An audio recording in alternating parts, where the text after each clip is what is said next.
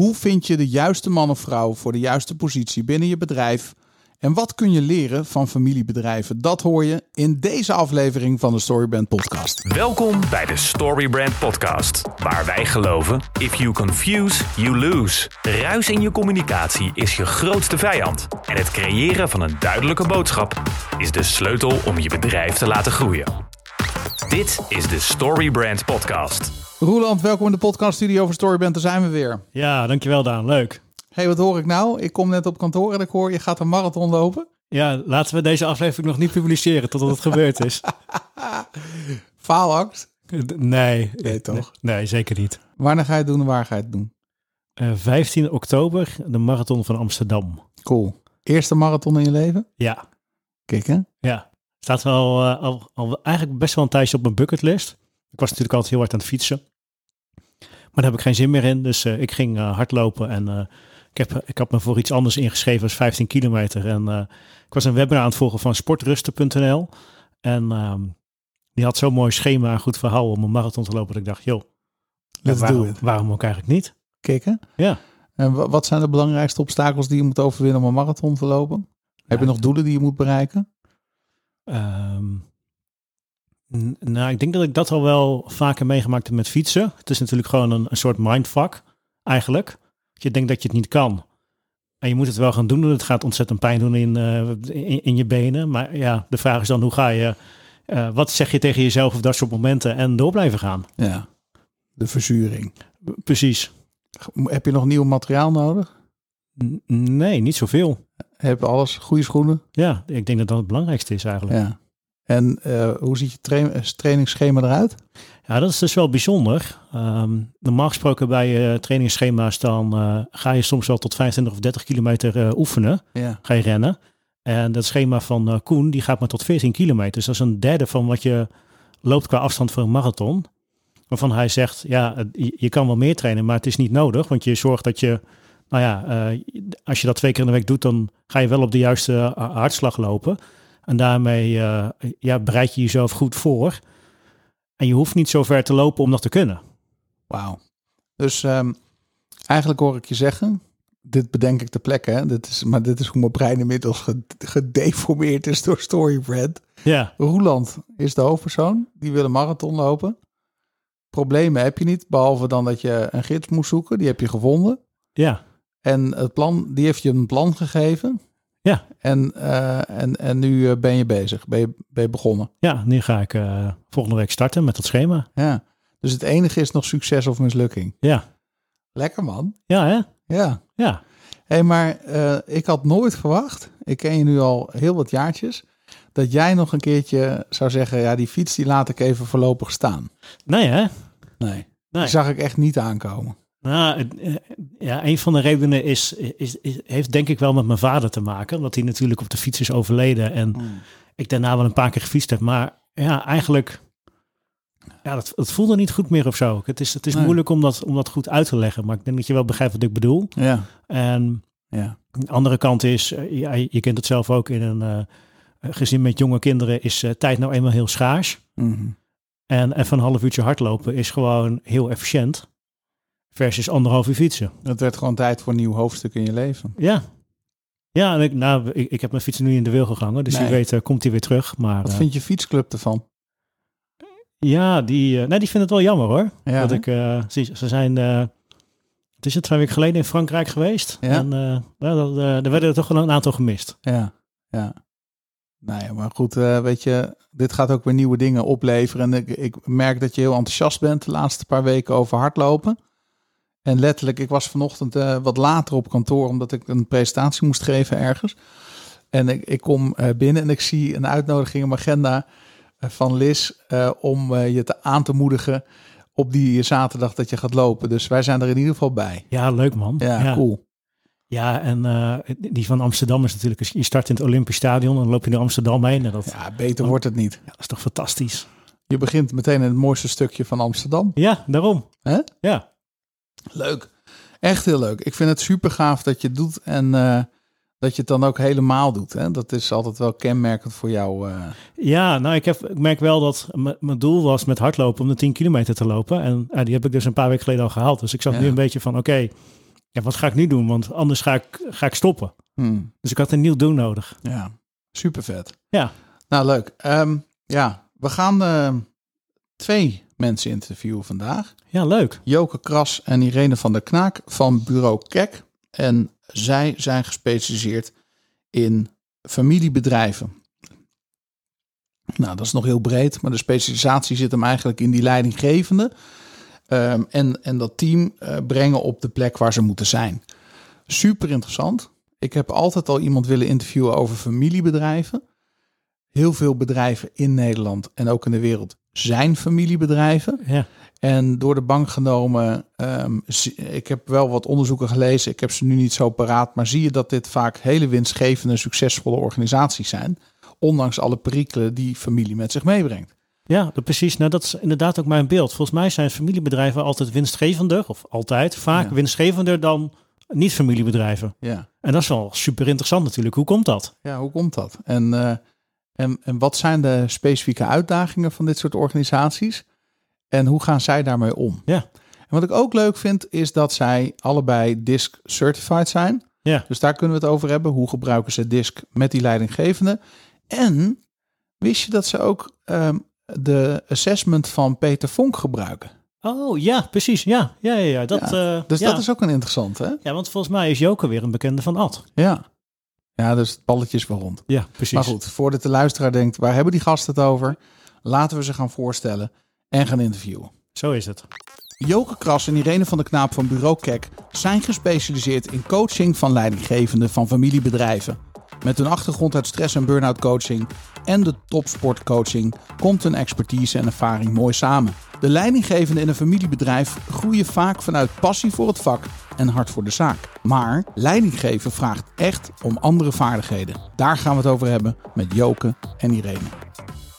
Joke en Irene, hartelijk welkom in de podcaststudio van Storybrand. Dankjewel. En Dankjewel. eh, opnieuw eh, via via. En dat is altijd het leukste eigenlijk, dat je elkaar leert kennen via gemeenschappelijke relaties die eh, ervoor zorgen dat interessante mensen met elkaar in con- contact komen. Dus eh, en dank jullie wel voor jullie komst naar de studio. Nou, eh, we zijn er graag. We En gaan jij het, eh, ja, nou graag gedaan. Eh, we gaan het hebben over, eh, over jullie vakgebied en dat is, ehm, eh, dat is eh, eh, leiderschap binnen familiebedrijven. Maar misschien kunnen jullie kort even iets over jezelf vertellen, eh, jullie achtergrond en hoe jullie met elkaar in contact zijn gekomen. Nou, wij zijn eh, nu vier jaar samen onder de naam Ja. eh, Bureau Kek. Nou, Kek, de meeste mensen vragen dus waar komt dat vandaan? is niet heel moeilijk. Kras en Knaap, onze achternamen. Ehm, allebei zo'n eh, tien jaar geleden zelfstandig geworden als coach. Joke als stress- en burn-out coach. Ik vanuit de topsport. Topsporters mogen begeleiden bij de overgang topsport carrière naar maatschappelijke carrière. En wij kwamen sowieso samen werken leuker. Eh, het, het, versterkt elkaar. En ehm, nou ja, na veel, heel veel gespart te hebben met elkaar en elkaar eh, scherper krijgen in ons eigen bedrijf, kwam er op een gegeven moment het punt, ja, maar wat als we nou gaan zitten op het preventieve stuk Ja. van die stress en die burn-out? En dan komt topsport en eh, dat stuk wel heel erg wel weer dicht bij elkaar. Ja, mooi. Want dan heb je het over, als we het hebben over het bedrijfsleven, bevlogenheid, met plezier je werk kunnen doen. Ja, En ehm, nou ja, ook wel vanuit onze persoonlijke verbazing, hoeveel mensen eigenlijk ook wel van weekend naar weekend leven. En een werk noodzakelijk is omdat Ja. je geld verdient. ja heftig eigenlijk. En Ja. eh, nou ja, vanuit daar eh, zijn we vier jaar geleden samengekomen. En ehm Leuk, mooi. bedrijfsleven in. Ja, Ja. eigenlijk wel een hele logische samenwerking als ik het zo hoor.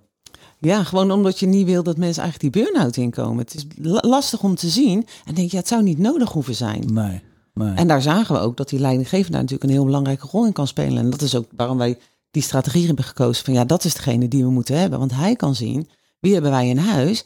En zitten die mensen op de juiste Ja. plek? Doen ze waar ze blij van worden? Precies. Ja. ja. En eh, was de keuze makkelijk gemaakt. Hey, waarom familiebedrijven? Nou, dat, ook dat is het organische ontstaan bij ons. Dat we eh, sowieso vanuit eh, het Westland, maar overal, het stikt van de familiebedrijven. Ja, ja. Eh, en eh, de, nou, al, eh, weet je, je gaat op een gegeven moment ga je steeds meer ook focussen. Waar worden wij nou gelukkig van? Welke klanten willen wij helpen? Hebben we de meest toegevoegde waarde? En nou ja, krijg je een win-win situatie. Nou, dan zit je wel qua waarde, staan de familiebedrijven dichtst bij ons. ja.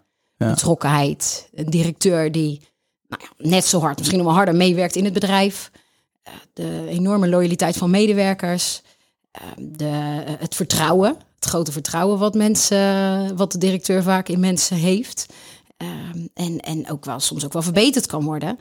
Uh, ja, en daar, uh, nou ja, de combinatie van emotie en de ratio, en dat proberen op in goede banen te leiden en goede gesprekken te voeren met elkaar, daar uh, dat Mooi. is ons toegevoegd. Ja. Die lange betrokkenheid vooral ook, hè? Ja. Ja, we willen niet dat, ja, weet je, een kunstje leren is heel makkelijk. Ja. Maar ja, dan ga je weg en dan ligt zo'n nieuwe cursus ligt in de laan. Niemand doet er wat, meer wat Nee. mee. Maar als je daar bovenop blijft zitten van, joh, gaat het? En die langere betrokkenheid, en dat is ook echt iets van familiebedrijven, lange termijn visies, niet eendagsvliegen. Ja, dat past perfect bij ons. Ja. Helder. Dus dat is wat familiebedrijven onderscheidt van andere bedrijven. Wat zijn typisch problemen die jullie tegenkomen binnen zulke bedrijven? Ja, dat zit op dit moment, eh, ja, daar focussen we ons ook een beetje op. eh, die volgende generatie. Ja, Eh, vroeger was het logisch dat eh, ja, iemand heeft een bedrijf en zijn kinderen komen er dan vanzelfsprekend in. Dachten ja we niet over na. een vraag. Nee, nee, nooit in vraag. En nu, nou ja, jongeren denken zelf veel meer na. Maar ook die ouders zeggen, je moet wel doen waar je gelukkig van wordt. Hmm. Dus ja, ga eerst eens kijken in die wereld. Wat past er nou bij jou? Waar, waar liggen jouw kwaliteiten? En ook eventueel je valkuilen natuurlijk. En als je kiest voor dat familiebedrijf, kies dan echt met je hart en je hoofd Ja, dat dit is wat je wil gaan doen. En daar kan het ook wel eens fout gaan natuurlijk. ja, Dat mensen vanuit loyaliteit toch dat familiebedrijf ingaan. precies. Terwijl het eigenlijk niet bij hun als persoon past, maar ook niet bij hun kwaliteiten. Nee. En Ja, andersom zie je dat ook, dat ehm, eh, dan de tweede generatie besluit om niet in zo'n bedrijf te komen werken en dus opvolging een probleem is. Eh, ja, en dan is het gewoon buiten onze handen. Ja, Want dan is het bij eh, de wordt het geen, eh, geen familiebedrijf meer. Nou, nee, en dan, eh, want dit is juist de problematiek die wij natuurlijk proberen op te lossen. Want als die man geen opvolging heeft, ja, het kan zijn buiten het bedrijf. Maar ja, dat is niet waar wij eh, in meedenken. Dan Nee. komt het inderdaad vaak op de financiële zak. Iemand buiten het bedrijf zoeken. Precies. Ja, iemand die aandelen over wil nemen, dat de eigendom ook over wordt Ja. gedragen. Zijn er nog- Overnames zie je ja. vaak. Ja, overnames. Zijn er nog andere problemen, behalve de tweede generatie? Nou, de, de, het, het goede gesprek met elkaar voeren. Het, echt de professionaliteit van goede overleg, overlegmomenten. Die wordt ook wel vaak vergeten. Ja, Hè, je praat constant met elkaar. Maar het zijn al die, die kleine gesprekjes. En op maandagochtend met elkaar eens goed zitten. En praten over strategie, over de toekomst. Over soort reviews. eh, het werken aan je bedrijf in plaats van in je bedrijf. Dat wordt wel eens eh, Sterk. vergeten. ja. ja, want we spreken elkaar toch al genoeg.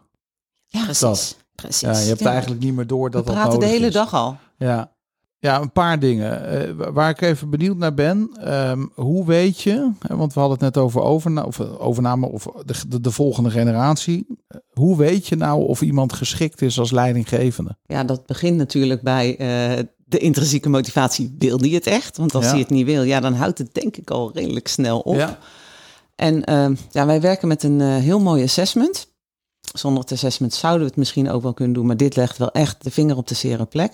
Dat is een assessment van Peter Vonk. Ja. Dat was een assessment waar wij lang naar gezocht hebben eigenlijk. Wat past er nou bij ons? Ja. En ehm, deze geeft drie belangrijke dingen, of ja, eigenschappen, wat aard en aanleg is, weer. En die geven niet gelijk aan, oké, het wordt heel succesvol. Maar als je ze niet hebt, dan staan ze wel garant voor verhalen. Ja. En ehm, dan misschien wil je eens uitleggen? Ja, met eh, stip op één is eh, ik-sterkte. Ja. Eh, en die en ik-sterkte is een beetje een vage term. Maar eh, durf jij positie in te nemen? En juist als het spannend wordt, als er conflicten zijn, eh, durf jij dan dit speelveld te betreden en doe je er wat aan? Ja. Op het moment dat je dat als, als leider situaties ziet gebeuren en jij doet er niks mee, ja, dan zorgt dat ook voor heel veel onveiligheid voor andere collega's. Ja. Iemand komt eerst vijf minuten te laat, vervolgens tien minuten te laat. En jij laat het bijvoorbeeld gaan. Om Ja. een klein simpel voorbeeld te geven. Ja. Er gebeurt iets in een organisatie als iemand daarmee wegkomt. Ja. En eh, nou, dat is echt een stip op één. Durf jij eh, op te staan als het eh, nodig is. Ehm, en vervolgens komt er eh, zelfkritiek. Dus kan jij in de spiegel kijken en ehm, eh, ja, je eigen aandeel in dingen zien. Ja. Heel Ja. belangrijk om te weten, weet je, niet te wijzen naar die ander. Eerst eens kijken, oké, wat, wat kan ik hierin verbeteren? Ja. En in de spiegel kijken. Dus, of, Ja, dus terugkijken, wat, wat was mijn aandeel, wat kon ik hier beter in doen? Ja. En als laatste natuurlijk eh, ja, em- je empathisch vermogen. Ja. Want eh, je kan wel iemand aanhoren, maar als jij niet tussen de regels door kan horen wat er echt gebeurt, Precies. dan kan je voorbij gaan aan dat het helemaal niet goed met zo Ja. iemand gaat. Ja. En als je dat dan niet durft te benoemen, joh, van, ja, je zegt het wel, maar ik ik heb het idee dat er wat aan de hand is. En als je geen empathisch vermogen hebt, ja, dan zie je niet die persoon tegenover je. En dan kan leiderschap, zeker als die ik-sterkte heel groot is, heel hoekig worden. ja. En eh, een beetje dominant lijken. Super interessant hè, dat die test dan in staat is om die aard en aanleg van iemand te meten op die as van de X. Ja, ik zou bijna zeggen X-factor, maar het is X-sterkte. Ehm, eh, dan inderdaad zelfreflecterend vermogen als leider is natuurlijk su- super cruciaal. Ehm, en, en dan je empathisch vermogen van hey, kan ik tussen de regels doorlezen en, en, en misschien ook wel zien en horen waar het eigenlijk om gaat. Hè? Want vaak worden dingen natuurlijk anders gedeeld dan, dan waar het echt om draait. Precies. Want die ander heeft eh, als medewerker misschien sowieso minder X-sterkte. Eh, en dus ook Kans moeite groot, ja. om echt te zeggen waar, wat hij ergens van vindt. Of iemand Ja. te beledigen. Hè? De loyaliteit waar het net ook over had. Als je van die drie er één zou mogen kiezen waarvan je zegt, ja, dat, daar zie ik het, het, het, het- Ik weet niet of, of je het zo zou kunnen stellen, hè? maar eh, daar zie ik het toch vaak misgaan. Of daar hebben wij als Hollanders misschien de meeste moeite mee. Of Ja, als je naar eh, zelfkritiek krijgt, kijkt, dat is natuurlijk het stuk. Als je dat niet hebt, kun je nooit niet groeien. nee, nee. En eh, het mooie is, echt het is heel bijzonder, mensen die laag scoren op zelfkritiek, dus niet zien wat ze verkeerd doen, ja, die beamen dat ook nooit. nee, Dus om die, die mensen in het hoofd te krijgen, is best Ja. nog wel een klus. ja, Dus je moet echt mensen om zich heen verzamelen en vragen van, joh, eh, het blijkt dat ik hier niet zo goed in ben. Wat vind jij daar nou van? Geef tegenspraak. Ja, Ja. ga kijken bij welke mensen je daar eerlijk antwoord op kan krijgen. Want vaak Ja. kunnen dat toch nog wel eh, de basis en bazinnetjes zijn. En wanneer krijg jij eerlijk antwoord? Dus probeer ook diegene eruit te halen waarvan jij een eerlijk antwoord kan Ja. krijgen. ja. Maar En dat is denk ik de lastigste. Het is ook een mooie assessment in, hè, die gaat uit van iedereen is geschikt. De vraag is alleen waarvoor. ja. Eh, en, en de andere Ah, kant van, van eh, weinig eh, zelfkritiek hebben, is dat je wel waarschijnlijk heel veel zelfvertrouwen hebt. Ja, ja, Want eh, je, ja, je hebt ook niet zo heel erg door als je de, Nee. de dingen fout denkt doet. dat je het allemaal Nee. goed doet. Dus mensen zijn, zijn vaak hele flamboyante types die zichzelf goed kunnen presenteren en verkopen. ja, Kunnen ook Ja. als arrogant gezien worden. ja, ja. Ze weten het allemaal Ja. zo goed. Ja, je wordt, zo wordt het vaak gelezen. Hè? Ja. Wat, wat kun je doen als leider om. ehm, dit gaat allemaal over bewustwording ook, hè, voor een groot gedeelte. Het gaat natuurlijk aard en aanleg eh, vanuit de, de assessment. Maar wat kan je doen om jezelf daarin te ontwikkelen? Eh, die stukjes van die aard en aanleg, ehm, die zijn best wel heel lastig om te ontwikkelen. Want Ja, dat is wie dat jij is bent. of dat is er niet. Dus dan moet je jezelf afvragen, oké, ik zit in deze positie, maar is dit wel de juiste positie Ja. als je overal laag op scoort? Ja, Eh, kijk, scoor je twee op de drie, toch nog redelijk hoog, dan kan je eh, ja, met de juiste coaching, bewustwording, eh, ja, wij staan dan, wij noemen ze echt partners in leiderschap, wij staan ernaast. ja, Om te, ja, weet je, hoe ging dat nou? Echt meer te gaan reflecteren op gedrag. ja, En dan, ja, kijk, er moet ook natuurlijk een goede intelligentie in zitten, dat ze daar ook naar terug kunnen kijken. ja, En de draai van, ja, wat doen wij nou? En waar willen we heen? precies. Kun je wat voorbeelden uit de praktijk geven waarvan je zegt van nou, dat, dat, dat is nou misschien een mooi voorbeeld van, van waar je zo'n assessment hebt gedaan.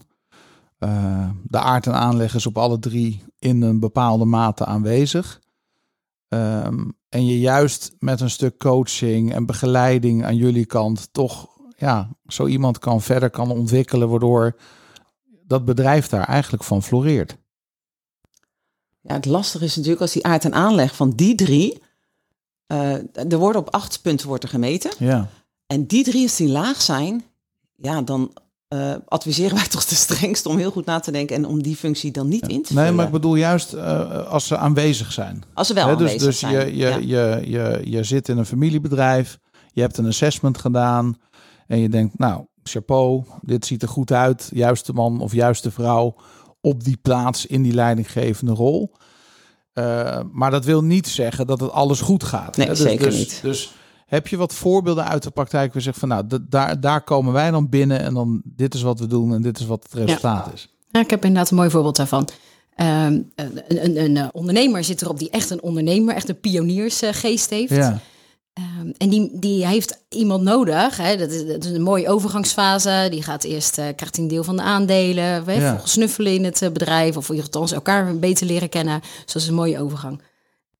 Wat je daarin ziet, is dat die ondernemer, echt iemand die niet zo houdt van leiding geven. Hè? Hij is ondernemer geworden. Ja, Hij, ja. eh, wil- manager is niet zijn sterkste punt. Nee. Kijken of er iemand naast komt die wel meer die manager is. Met ook wel wat ondernemersgeesten in. Want hij moet, ze moeten wel, hij moet wel mee kunnen. Sterk, ja. En dat komt heel mooi uit het assessment. Van ja, dat sturende wat die ondernemer mist, hè, aan de voorkant al Ja. zeggen, de lijnen uitzetten, heeft hij de opvolger, de potentiële opvolger heeft dat wel. ja. En daarin, ehm, en wat ook daarin wel mooi is, is dat die potentiële opvolger een hogere x-sterkte heeft dan de ondernemer. En dat is heel goed om bewust van te zijn. Oké, weet je, nu gaat hij erin stappen. Hij, hè, als je het hebt over eh, vroeger de, de eh, wie eet wie, ja, dan Ja. eet die nieuwe, de nieuwe generatie, die eet die ander op. ja. Betekent ook dat hij, ehm, eh, als je hem het podium geeft, moet je hem ook die vrijheid geven om Ja. het stuur, Om zeg te maar, shinen. om te shinen. Want anders dan gaat het niet werken. Dus daarin heel duidelijk ook communiceren naar de mensen. Hij is verantwoordelijk voor dat stuk. En dat, sta, dat past hem ook beter, de aansturing van het personeel. Dus geef hem de ruimte. Nou, en dus de oude generatie, en dat is natuurlijk vaak een kunst, moet het ook wel loslaten. ja. En het vertrouwen geven Ja. dat hij het kan. Het loslaten is wel ook een, eh, als je het hebt over de valkuilen, ja, zien we dat ook veel Ja. terug. ja, die kan ik me voorstellen. Ja, en natuurlijk eh, vervolgens ook als er dan zo'n ja, soort transitie gebeurt, dat je communicatie naar het personeel heel duidelijk en transparant Ja. is. Want die denken nog steeds dat die oude leider, ja maar Ja. jij bent toch eigenaar, we, we moeten toch naar jou kijken. Als jij wat zegt, moeten we dat toch als waarheid aannemen. Dus als je daar niet duidelijk bent, ja, dan komt er heel veel onrust in je organisatie Ja. die niet nodig is. Als je aan de voorkant duidelijk kunt zeggen van, oké jongens, eh, nou ja, misschien wel aan de hand van het assessment. En hebben jullie misschien wel gemerkt, ik ben hier niet zo sterk in. Maar nu hebben we deze erbij genomen. En eh, ja, dit gaat het worden. Dit worden Ja. lijnen die we uitzetten. En eh, ja, de, de Het transparantie gaat toch bieden. altijd, of altijd, het gaat veel over communicatie. Hè? Communicatie, duidelijk Leiderschap, zijn. eh, duidelijk zijn. En Wauw. dat, daar gaat het voor. Ja, Luisteren, heel belangrijk. ja, Ja. zo communicatie. Ehm, is een gespreid bedje. ehm, is, is dat iets waarvan je zegt dat is wenselijk in een familiebedrijf? Of Eh, ja, wij denken niet echt. Omdat wij wel het idee hebben dat mensen... ehm, je wordt er een beetje lui van. Ik weet niet of je Hmm. de term kent van shirt sleeves to shirt sleeves. ja, Dus de eerste generatie die zet wat moois neer. De tweede generatie die bouwt het op. Die maakt er echt een bedrijf van. En dan komt de derde generatie in dat gespreide bedje. En die kijkt niet, die heeft geen visie meer. Komt gelijk met die dikke BMW aanrijden.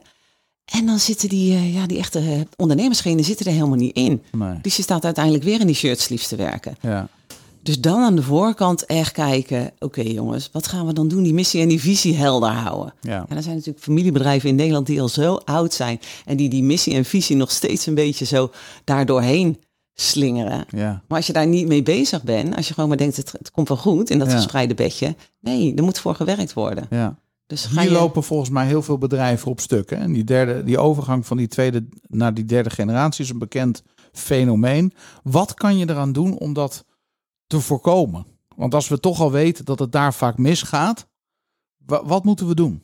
Ik vind het een heel mooi voorbeeld van ehm, eh, de, dat je volledige commitment voelt bij die volgende generatie. Ja, Pas zei ook een, eh, een- de, de, de oude generatie, de, die ondernemer, die zei...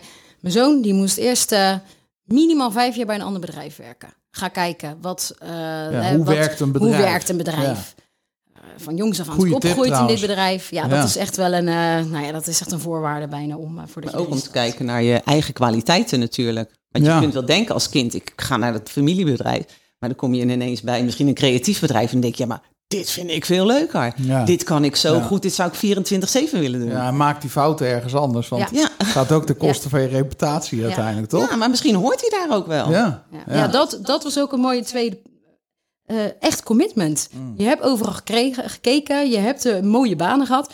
En zeg je daarna nog steeds, wil je bij, bij je vader in het bedrijf? ja. Als je dan nog steeds gemotiveerd bent en eh, ja, het is een mooie test eigenlijk. Ja, ja, ja. En, en wat ik ook een mooi voorbeeld vind van een andere ondernemer, die zei: jullie het bedrijf de, met de ambities die jullie hebben, lever eerst maar eens even de helft van je slagers in. Ja, die is ook lekker. Ga eerst maar eens doen Ja. met, met minder, ga maar bouwen. En als jij uiteindelijk het hebt, eh, nou ja, eh, het hebt verdiend, dan eh, kan je daarvan profiteren. En Joke, jij noemt net ook iets belangrijks. Hè? Dat gaat dan eigenlijk over die missie en die visie en die waarden die je dan moet. Hè, de, de, de tweede generatie heeft dat misschien nog gezien en geproefd van de eerste generatie.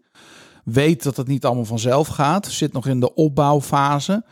Het gespreide bedje is dus eigenlijk een gevaarlijke situatie. Hè? Je noemt het dikke BMW. eh, Ja, de derde generatie neemt Ja. dingen misschien vanzelfsprekend. Waarom is het dan, eh daar ben ik echt benieuwd naar, dat je zegt van, ja, de eerste wat, je, wat jij noemt is eigenlijk missie, visie, daar zit het. Hè? Hebben ze dat wel meegekregen? Ja, en hoe Kun je- duidelijk kun je is dat, dat voor? Ja, Ehm, nou, wat je vaak ook in familiebedrijven eh, merkt, is dat ze maar, en dat doen we allemaal in het leven, we doen maar wat. ja, Ja, en toevallig werkt het ook nog. ja, En dan blijft dat zo. Maar als je nog nooit over die missie en die visie nagedacht hebt, waar willen we dan naartoe? Wie zijn dan onze klanten? Met welke mensen willen we werken? Welke producten, diensten willen we aanbieden? ja, En hoe ziet dat over tien jaar eruit? ja, En wil je over die toekomst nadenken? Of denk je, ja, dat is veel te ver van mijn, van mijn bedshow. ja, Dus eh, in die derde generatie is het denk ik nog belangrijker om die voorbereiding heel goed te doen. ja, En die begint niet van, eh joh, ik denk dat ik volgend jaar stop. Wat denk jij daarvan? nee, Nee, dat begint al eh, bij het kiezen van een studie misschien. En daarna nog die periode van, eh, ja, ga eens buiten het bedrijf kijken. En is dit echt wat je wil? Nou, kom dan in het bedrijf, maar voel dan alles van Ja. het bedrijf. ja. Begin gewoon, ja, wij hebben veel... eh, Het ge- gebeurt niet vanzelf. Nee, Je moet het plannen. Je moet het plannen eh, en je moet het ook beleven. Ja, Van als je dan in het bedrijf komt, weet dan wat dit bedrijf is. ja, Van, van, van, van de bodem tot de top. ja, Heb je, het, heb je het gezien? Ken je de mensen? Weet je eh, waarom de mensen bij ons willen werken? Want als jij vandaag denkt, joh, ik denk jij volgend jaar wel in de zaak komt. En dan staat je ineens op die directiepositie. Ja, denk jij dat dat geaccepteerd wordt door die andere mensen? nee, dat kan niet. Nee, Dat gaat niet werken. nee, Dus hij mag zijn sporen buiten het bedrijf verdienen, maar daarna in het bedrijf. ja. Van dat hij ervoor staat en dat hij weet wat hij doet. Precies, dan heb je nog een weg te gaan. Dus stel dat iemand Ja. vijf jaar ergens anders werkt, dan zou je eigenlijk ook nog idealiter willen. Ja, maar leer het hele bedrijf kennen. Ja. Kijk, Ja. nou, het hoeft misschien niet over vijf jaar. Nee, Vaak lopen ze als kind af aan natuurlijk toch Ja. al mee. En weten ze wat er gebeurt. ja, Maar eh, het is niet zo dat die, eh, dat gespreide bedje daarboven staat. Nee, Dat ze erin mogen gaan liggen en mogen gaan zeggen van wat er moet gebeuren. Dat gaat niet Nee. werken. Dan krijg je het personeel niet mee. Nee. heb je het respect nog niet gewonnen. Ik heb wel eens gelezen, maar jullie weten dat misschien beter, dat familiebedrijven over het algemeen winstgevender zijn dan de niet-familiebedrijven, noem ik het maar eventjes. Eh, vaak ook succesvol. Je, je ziet genoeg voorbeelden van succesvolle familiebedrijven. Hoe komt het, denk je, dat een familiebedrijf, ondanks alle scherpe kantjes of dingen die er mis kunnen gaan, toch door de bank genomen eh, een goede fo- formule kan zijn om zaken te doen? Ehm, ik, durf niet gelijk te zeggen dat ze allemaal winstgevender zijn. Maar ze zitten wel eh, een hoge solvabiliteit. Ehm, ja, wij gaan er altijd voor. Het, alles start met vertrouwen. Ja. En dat vertrouwen in zo'n familiebedrijf is zo hoog. Ja. Ze kunnen elkaar de tent uitschelden. en daarna draaien ze eigen om. hey, eh, ik ga even een bakje voor je halen. Er is niks meer aan de hand. Nee. Dus ze kennen elkaar door en door. Maar dat wil niet zeggen dat je het altijd met elkaar eens bent. Maar juist omdat dat vertrouwen zo hoog is, kunnen die conflicten er zijn. Ja. En daarom denk ik dat het is wel een mooie manier om naar te kijken eigenlijk. Toch? vanuit vertrouwen Nou, eh, vanuit dat dat conflicten juist kan zijn. Hè? Dus, moet er eh, zijn. nou ja, goed. ehm, ik, ik zeg ook wel eens van een conflict is niks ergs. Het is juist heel fijn om conflicten te hebben. Want ik wil mensen ook voelen en proeven. Dat geldt voor personeelsleden, maar ook voor klanten. Hè? En ook voor je team. Dus eh, ik vind het mooi dat jij er ook zo naar kijkt. Ja, de, de, eh, wat wij merken natuurlijk is dat eh, conflicten vaak lijkt alsof het ruzie is.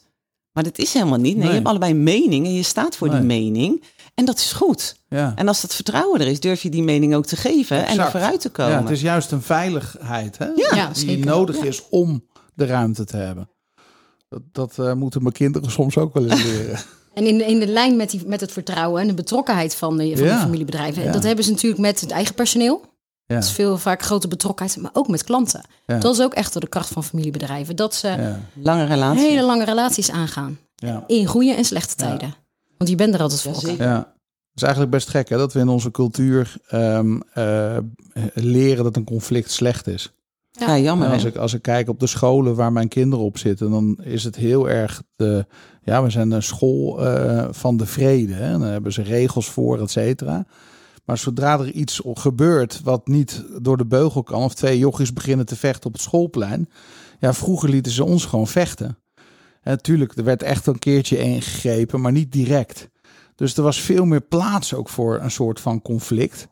En ik denk dat we dat ook meenemen eh, het bedrijfsleven in. Oh, oh, oh, oh, ze hebben ruzie. Ja.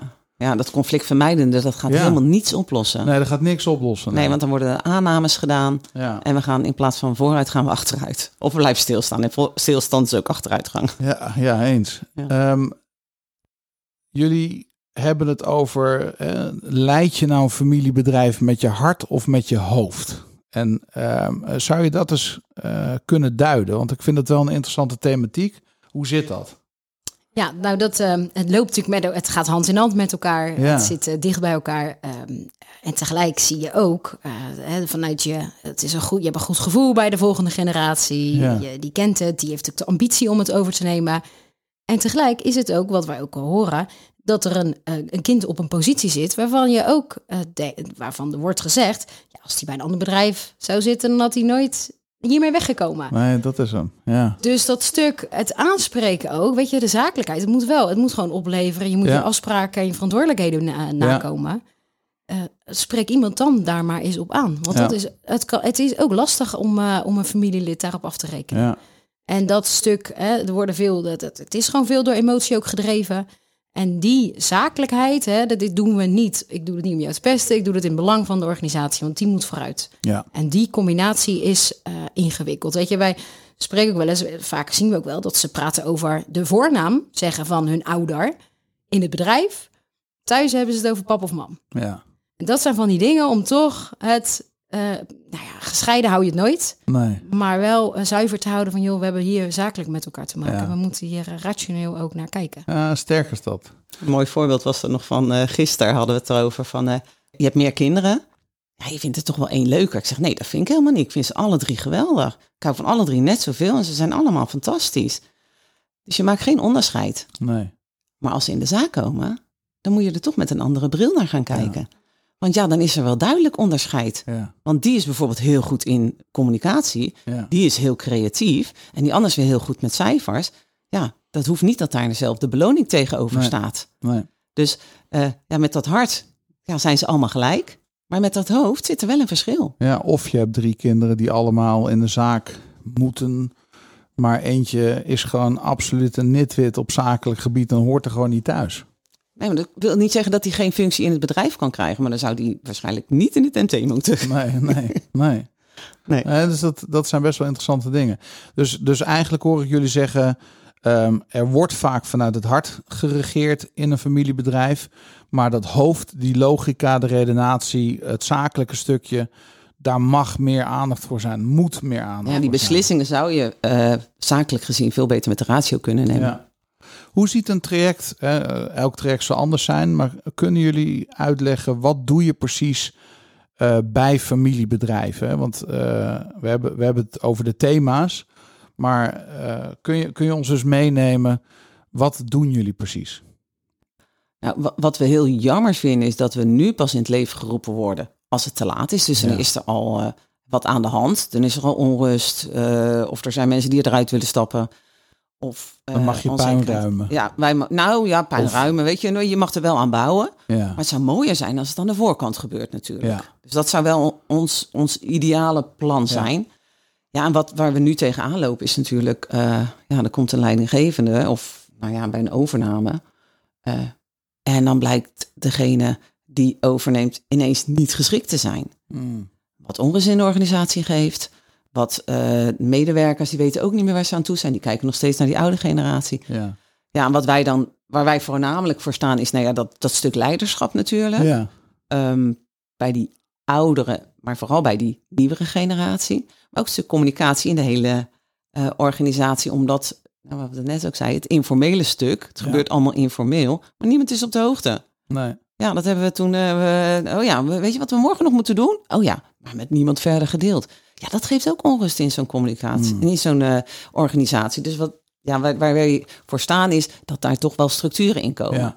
Ja. Die wel passen bij de organisatie, zonder dat het echt te opgelegd is. Ja. Dus het stuk leiderschap, het stuk communicatie. En eh, ja, daar willen wij dan gewoon langere tijd bij betrokken zijn. Hmm. Omdat het niet in één dag geleerd is. En Nee. eh, de coaching on the job, ja, is daar gewoon een hele waardevolle aanvulling in. Ja. Ja. Meelopen in het bedrijf, horen wat er speelt. Weet je, het is gewoon zo dat medewerkers. Ja, de analyse. Ja, en ze, ze vertellen niet alles tegen die directeur. Nee. Want die, dat is gewoon eh, een gegeven. Dat zou heel mooi zijn als die openheid er is. Eh, maar het is wel heel fijn als wij er tussendoor lopen en dingen horen. En daar als verbinder eh, tussen kunnen staan. Een soort oren en ogen van die eh, directeur kunnen zijn. Ja, zonder Ja. dat we het vertrouwen schenden van die medewerker.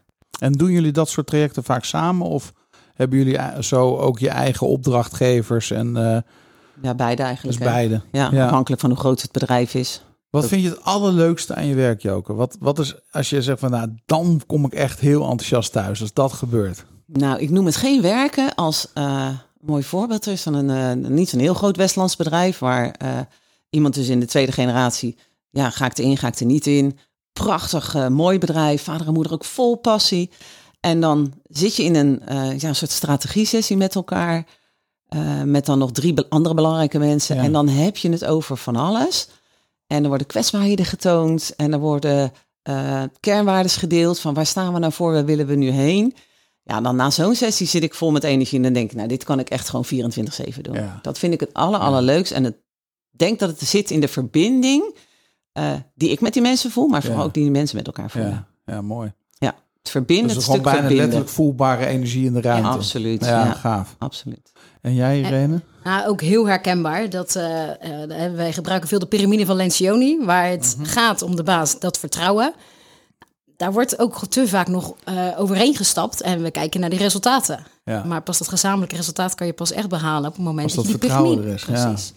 En dan kom je, komen mensen binnen in de ruimte, heb je natuurlijk al gesproken met ze, je kent het, en ze, we zitten met elkaar. En er is, zijn verwijten en ze wijzen naar elkaar. En in de loop van dat gesprek, DIS kan daar als hulpmiddel, echt een middel om dat gesprek, Ja, goede gesprek te voeren, heel goed verwerken. Ja, En je voelt gewoon, ah, de kwartjes gaan vallen. Maar ja, weet je, ik snap nu wel jouw intentie. ja. En eigenlijk heb ik jou heel hard nodig om verder te komen. Ja. En als je in, zo, in, in zo'n sessie dan voelt vanuit negativiteit en elkaar aanwijzen, beschuldigen naar eigenlijk hebben we toch een verdomd goed team zo met elkaar. Als elkaar in de waarde laten respecteren en ook aanspreken als het nodig is. Heerlijk. Dat vind ik ook. eh, en, en in combinatie met, je loopt dus op een gegeven moment langer mee. We zijn zo bij sommige bedrijven twee jaar betrokken. Ja, En die, dat de, de, neem even bijvoorbeeld de volgende generatie, die opvolger, die, die, die aankomst, toekomstige directeur, die belt je. Wekelijks heb je contact met elkaar. Of je komt dan langs. Of, en je weet eigenlijk zoveel van elkaar. Dat het eh, eh, een beetje het buitenzakelijke stuk. Je bent betrokken. Je Ja. weet. Ja, je hebt een relatie Ja, opgebouwd. ja, er het is gaat- onwijs ja. veel vertrouwen. ja dat hè? Ja. Ja, dat snap ik. Dat dat, dat heel is mooi mooi om, dat, eh, om iemand zo te mogen Ja. eh, bij te mogen staan. Ja, dat is fantastisch. Dan gaat het ook verder dan werken. hè? Ja, Precies dat. Kikken. Hey, eh, twee laatste vragen die ik iedereen stel. Ik ben heel benieuwd. Jullie mogen onafhankelijk van elkaar antwoord geven. Dus het zijn eigenlijk vier vragen. Ehm, de eerste vraag die ik altijd stel is: als alle billboards in Nederland een dag van jou zijn, wat zou je erop zetten? Ja, eh, wat ik vroeger altijd zei in eh, de coachingspraktijk toen nog zes en burn-out deed. Ik Ja, altijd, er zegt niemand op zijn sterfbed, had ik nou maar meer gewerkt. nee. Want uiteindelijk zijn er maar heel weinig dingen belangrijk, maar je maakt zoveel dingen belangrijk. Dus dat zou ik best wel op zo'n eh, zo'n billboard willen zetten van, Ja, denk nou even na waar je prioriteiten ligt en waar je je energie en aandacht in steekt. ja. Want Mooi. het gaat niet, om, het gaat nooit om geld. Nee, nee, het gaat nooit om geld. Nee. Sterk. Nou, eigenlijk, eh, wij denken daarin heel erg hetzelfde. Hè. De- Het ligt ook wel, eh, ne- neem het allemaal niet te serieus. Nee. Blijf, het is iets, het eh, werk is zakelijks iets, een overeenkomst met elkaar. En eh, Ja. heel fijn als je passie, betrokkenheid en daar helemaal in zit en het met plezier doet. Ja, maar that's it. Maar dat zit. Ja, dat is ook een hele goeie. Wat een wijsheid. Nou, En als laatste vraag. Ehm, ik weet niet of jullie echt lezers zijn of, of, of dat er een boek is. Het mag ook wij echt hebben een... heel veel boeken. We Ja? kopen heel veel boeken. Ja, Maar ik zal niet zeggen dat we ze allemaal uitlezen. nee. Maar dat hoeft ook niet. Nee, maar we, we business coach zegt altijd, als je een goed eh, boek hoort, moet je hem kopen. Ja. Zodat je hem hebt voor als je hem nodig Ja. En het ergste wat er kan gebeuren is dat je een hele mooie bibliotheek achterlaat voor je kinderen. Ja. En dat is wel mijn filosofie ook, ja. Ja, Eh, ja, we, we hebben er meerdere, denk ik. Ja? Ehm, welke ik ook heel mooi vind, en dat is ook nog misschien vanuit stress en burn-out, maar eh, de kracht van imperfectie van Brené Brown. Mm, Ja, weet je, eh, laat los wie je denkt te moeten zijn. ja. ja. Ja. Van wie? Ja. Dat is, dat is echt een heel mooi boek en die raad ik Ja. vaak mensen aan ook. En iedereen haalt weer wat anders uit. ja. Maar als je dat kan loslaten, dan hoef je het ook niet meer zo serieus te nemen. Nou ja, en, zeker in de thematiek van familiebedrijven kan ik me voorstellen dat er ook heel veel verwachtingen zijn. Eh, of die nou realistisch zijn, of dat die er überhaupt van een ander zijn, maar in ieder geval in de hoofden Ja. van familieleden zelf. Hè? Van, van ja, maar ze zullen wel denken dat. Is dat een hele mooie. Ja, dankjewel. En in het kader ook van, ja, Patrick Lencioni is wel echt om- Ja. Nou ja, de grondlegger eh, van onze visie en hoe wij eh, werken. Ja. En daar is Vijf Frustraties van Teamwerk een heel mooi boek. Mooi voorbeeld van wat er dus gaat over de piramide van Lencioni. ja.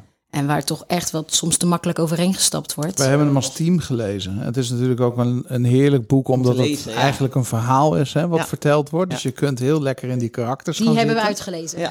Ja, ja, dat snap ik. Nou, we hebben hem als team gelezen. Ik vond het heel waardevol. Ja. Ook zou er eigenlijk eentje moeten zijn. Een van de collega's zei van, joh, het is alweer zes maanden geleden dat we het boek hebben gelezen. Moeten we hem niet nog een keer lezen? Want zo... Je gaat altijd weer door nieuwe fases heen met je bedrijf... waar dan andere delen belangrijk zijn. Hè? Ja, dat is mooi. Ja, waar ging het ook weer over? Waarom, Ja, waar vonden, we, het? Ja, vonden we het nou zo'n interessant boek? Ja. Ja. Hartstikke gaaf. Ehm, afsluitende gedachten, dingen die ik nog niet gevraagd heb. Ik, ik, ik stel het maar eventjes. Moeten we het nog ergens over hebben? Ik vond het een leuk gesprek. Ja, nou, ik ook. Nogmaals hartelijk bedankt. En wat een heerlijke thematiek. Ja, ja. Ehm, waar sturen we mensen heen als ze eh, contact met jullie willen opnemen of meer willen weten over jullie bedrijf? Ja, naar onze website uh, bureaukek.com. En kek is K-E-K, dus bureaukek.com. Ja, op zijn Frans, bureau. En dan vinden, ze, dan vinden ze alle informatie. Top, dank jullie wel. Nou, jij bedankt. Ook bedankt. Leuk. Roland, dat was het interview met eh Joke en Irene. Interessant onderwerp weer, Daan. Dat zeg ik altijd, maar dat blijft ook zo. Ja, het is heerlijk hè, toch? Dat wij iedere keer, elke week, mogen duiken in een nieuw verhaal. Ja. Ja, en familiebedrijven zijn natuurlijk wel bijzonder. Ik moet je zelf zeggen, ik weet niet, jij hebt natuurlijk uh, een, uh, een, bedrijf samen met je vrouw, maar stel je voor dat er nog veel meer familieleden in zouden zitten. Dat, ja. dat, dat lijkt me best wel complex. Zeker. Ik denk ook dat dat een complexiteit met zich meebrengt. Um, toevallig werkt het voor mij en Liz heel goed, maar we hebben vanaf dag één tegen elkaar gezegd van luister, ons huwelijk gaat voor. En de zaak komt op de tweede plaats. Dus als dit ten koste gaat van ons huwelijk, dan kiezen we voor ons huwelijk en niet voor die zaak. Ja. En dan gaat een van ons eruit en dan zoek ik een baan. Of ik start een ander bedrijf inmiddels, zou ik zeggen. Maar toen was het, dan zoek ik weer een baan. Ja. Want Liz was degene die Smit Communicatie oprichtte. En samen hebben we natuurlijk uiteindelijk Storyband opgericht. Ja. Ja, en, en, ik stel me dan ook zo voor dat het niet alleen met je, met je vrouw of je echtgenoot is, maar dat er dan misschien ook nog een broer of een neef of, of een Ja. tante bij zit. Ja. Nou, dat, dat maakt het denk ik heel complex. Ja. Waarin communicatie inderdaad super belangrijk is. Want juist met je familieleden denk je van, nou, laat maar zitten. En, en ja, dan gaat het natuurlijk uh, spaak lopen. Ja, wat interessant is, is dat, um, uh, wat zij natuurlijk ook zeggen, is dat die familieleden, die hebben een band met elkaar, een bloedband. Ja. En dat zorgt er natuurlijk voor dat je niet zo snel bij elkaar wegloopt. Dus heel vaak kan er in familiebedrijven juist de ruimte zijn om het echte gesprek te voeren en kaart te knallen met elkaar en tegen elkaar. Omdat, ja, weet je, er is ook een, een bepaalde mate van veiligheid, want het is familie. Dus ze kunnen elkaar de tent uitvechten en tegelijkertijd vervolgens weer doorgaan alsof er niks gebeurd is. En dan is de lucht wel geklaard. Ja. En uh, dat is misschien wel een voordeel ten opzichte van een compagnon die, waarmee je dat niet hebt. Hè? Waar, waar je misschien wat voorzichtiger bent. Ja, dat kan me wel voorstellen. Ja, ik moet bij familiebedrijven gelijk aan Van der Valk denken natuurlijk. Ja. Die uh, ondertussen volgens mij ook uh, allerlei familieleden hebben die concurrent zijn en tegelijkertijd familie. Ja. Dat lijkt me wel, ja, daar moet je keuzes in maken en ja. inderdaad duidelijk over communiceren wat je wil. het zal ongetwijfeld niet zonder slag of stoot gaan. Nee, en de andere kant is dat het, ja, in niet-familiebedrijven is dat natuurlijk ook zo. Ja, daarom. En kijk eens naar heel veel van dit soort grote units. Hè. Van de Valk is ook niet de minste, internationaal. Nee. Um, ja, ze hebben het maar wel voor elkaar gekregen. Nou, precies. Dus Ja, het, het werkt wel. Maar er wordt een prijs betaald, links of rechtsom. Ja. Ja. Ja, ik moet dan altijd denken aan... eh, is dat eh, Adidas en Puma? Die twee Ja. broers? Ja. Dat, dat, ja, dat, dat is toch het verhaal van de eeuw eigenlijk. Ja. Ja, vertel. Nou, dat... ehm, volgens mij was Adidas de eerder. En uiteindelijk kregen die broers dat samen opgericht. Maar ze waren het niet helemaal eens. Dus eh, een van die broers die ging weg en die eh, richtte aan de overkant eh, van, van de rivier, van het stadje waar dat begonnen is, Puma op. En die gingen keihard concurreren tegen elkaar. Vreselijk eigenlijk. Hè? Ja, nou, maar echt volgens mij tot, tot, tot in de dood toe dat ze elkaar niet meer in de ogen konden kijken, omdat ze zo pist waren. Ja. Wa- waardoor dat hele, die hele familie daar natuurlijk in meegetrokken werd aan Ja. beide kanten. Ja. Liz is nu een boek aan het lezen over Dior. En dat is ook een familiebedrijf. Oké, oh, Ja, dus ja. je ziet heel veel merken waar je eigenlijk helemaal geen weet van hebt, zit gewoon een familie achter. Ja. Razend interessant. Wat ik eh, nog even als laatste eh, bij jou benieuwd was. eh, jij hebt natuurlijk bij Peter Vonk die assessment gedaan. ja. Ehm, wat heeft het jou gebracht? Oeh, dat is wel even geleden dan. Dan moet ik even graven.